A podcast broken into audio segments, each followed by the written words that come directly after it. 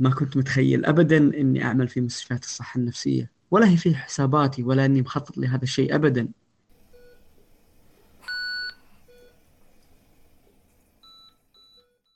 تأتيكم هذه الحلقة برعاية بزنس هب.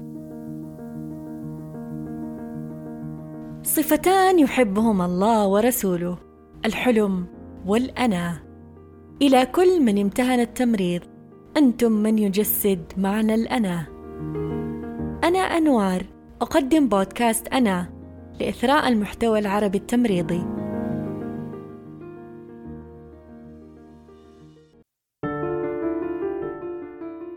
بدأ بطل قصتنا حياته المهنية بين أروقة مستشفيات الصحة النفسية.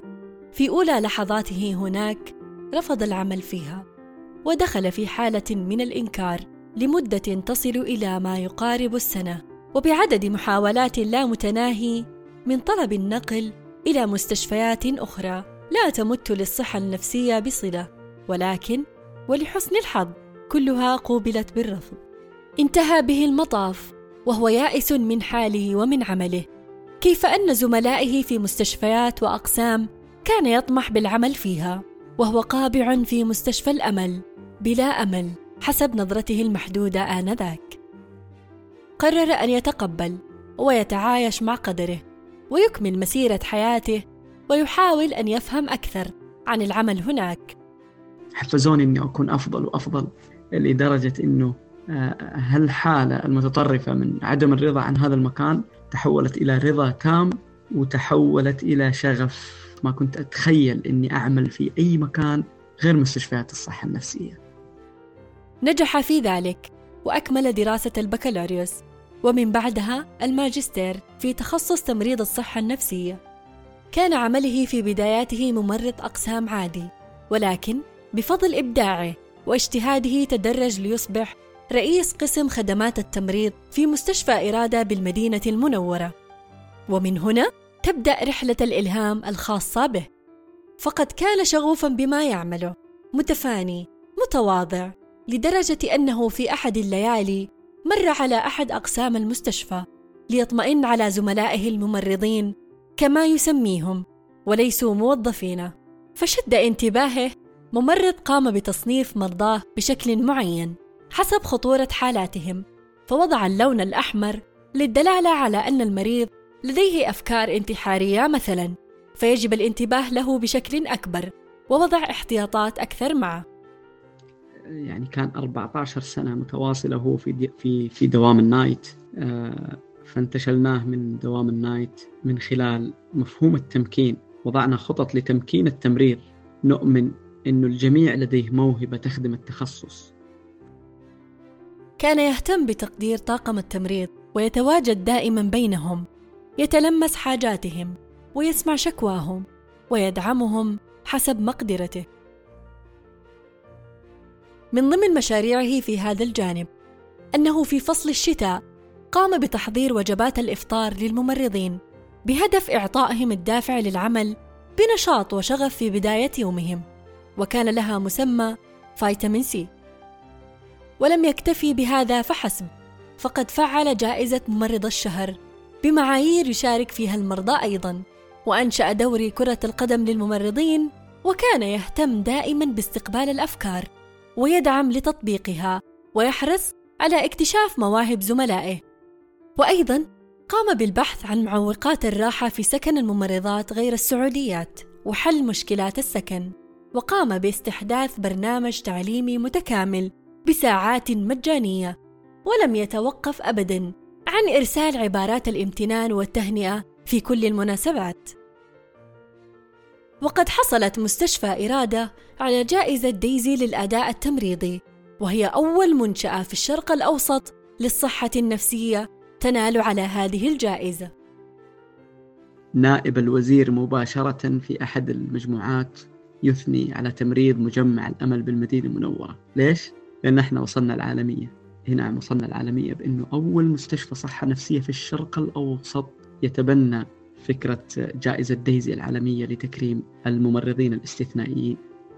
وقد رأى أثر هذا التقدير على سلوك زملائه وكيف أن قابليتهم للعمل زادت حتى أنه في بعض الأحيان الكثير منهم لا يذهب مباشرة بعد انتهاء ساعات عمله.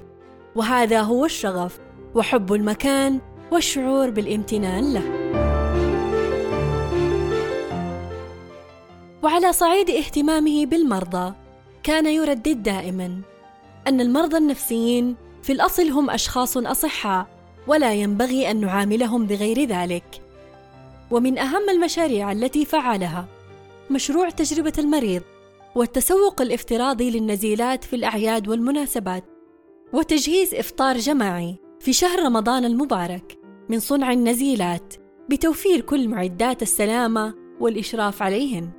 والنزهات البرية للنزلاء وإشراك النزلاء في إشعار النار في فصل الشتاء والاستمتاع بالأجواء بإشراف تمريضي كامل. وقام أيضا بإنشاء مرسم لأحد النزلاء الموهوبين. تبنى أيضا فكرة إعادة تأهيل قسم الطوارئ واعتمد التراياج الأسترالي للمستشفيات النفسية. وهو الآن محاضر في كلية التمريض في جامعة طيبة وطالب دكتوراه في الولايات المتحدة الأمريكية. بطل قصتنا الأستاذ محمد اللقماني.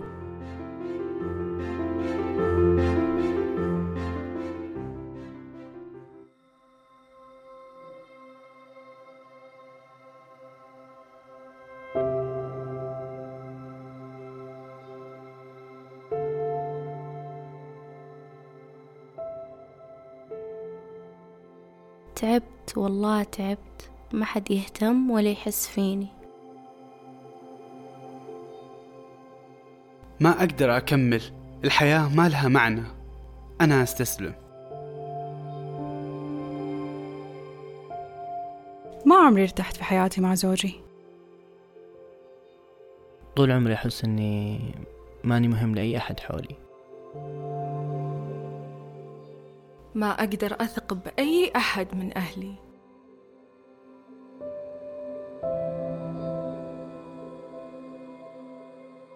حولنا كثير من اللي يشعروا بهذه المشاعر ويخبوها. لبيه هنا عشانكم.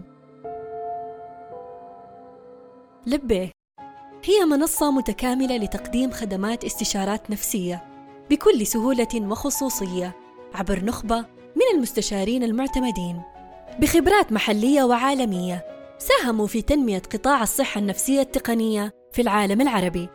وصل عدد المستخدمين لأكثر من 300 ألف مستخدم في أكثر من 15 دولة وأكثر من ثلاثة ملايين دقيقة استشارات سنوية على يد أكثر من 200 طبيب وأخصائي نفسي.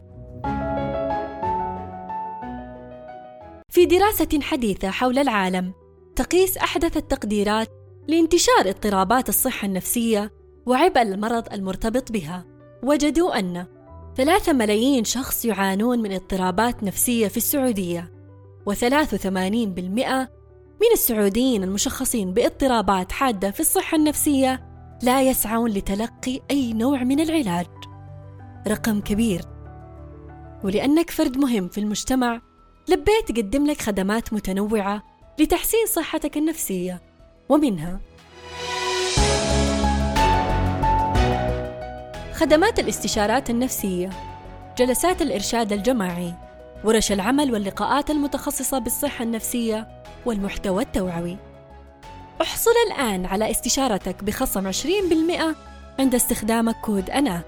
ولا تشيل هم في خصوصية عالية وموثوقية وتوافر في أي وقت وتنوع من مختلف أنحاء المملكة والدول العربية. كل اللي عليك تحمل التطبيق وتسجل. وتبدأ رحلتك في تحسين الصحة النفسية. كلنا سوا يدا بيد نقدر نساعد. يد وحدة ما تصفق. أعطينا يدك ولا تخبيها.